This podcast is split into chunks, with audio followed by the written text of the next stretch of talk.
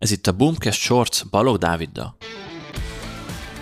Egy kicsit ironikus, hogy a PPC az egyik fő szolgáltatásunk, és hogy mégsem költünk hirdetésekre. Ebben az adásban azt fogom elmesélni, hogy miért nincsen szükségünk fizetett hirdetések futtatására. A fő ok, hogy mi inkább lassabban növekszünk.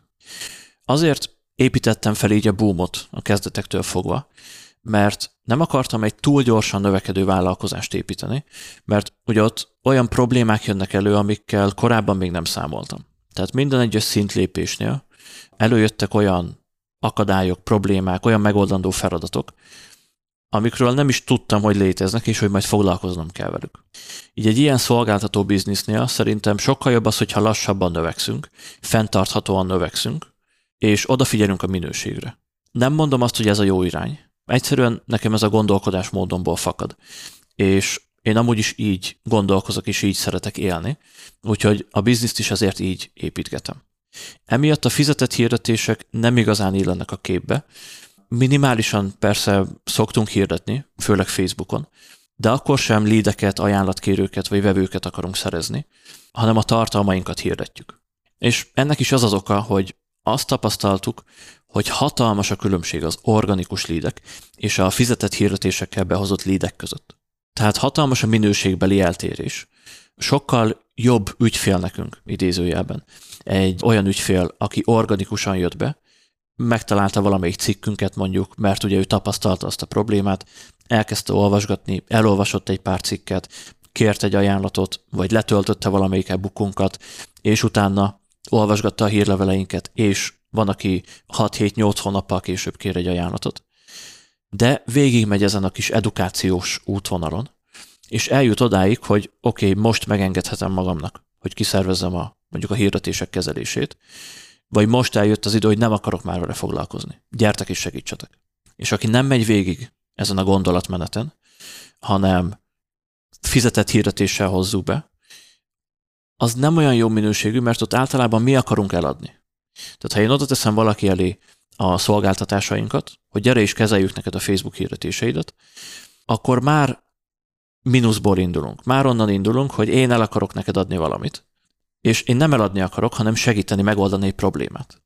Viszont amíg valaki nem tapasztalja azt a problémát, és nem írja be a Google-be, hogy szar a Facebook hirdetés, vagy hogy hirdessek Facebookon, és ott megtalál minket, és végigmegy az útvonalon, addig nekünk ő nem ideális ügyfél.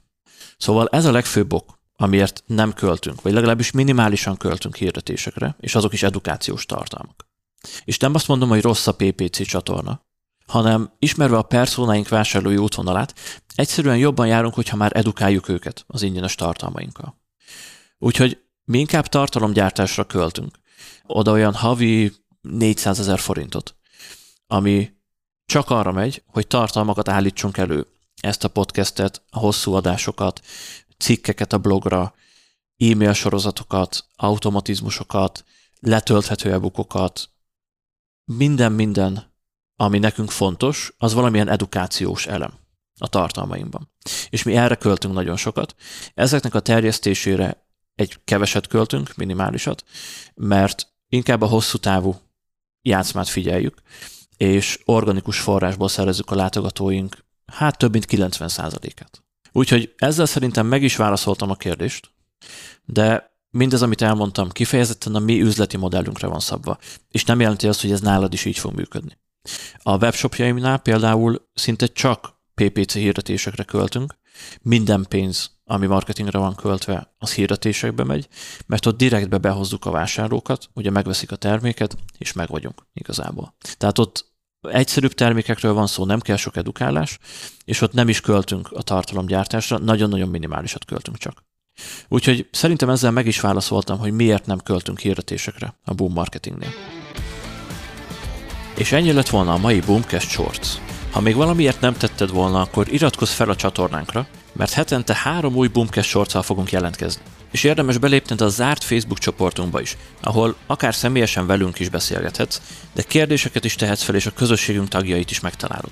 Gyere és csatlakozz hozzánk, a linket megtalálod a leírásban. Találkozunk a következő adásban.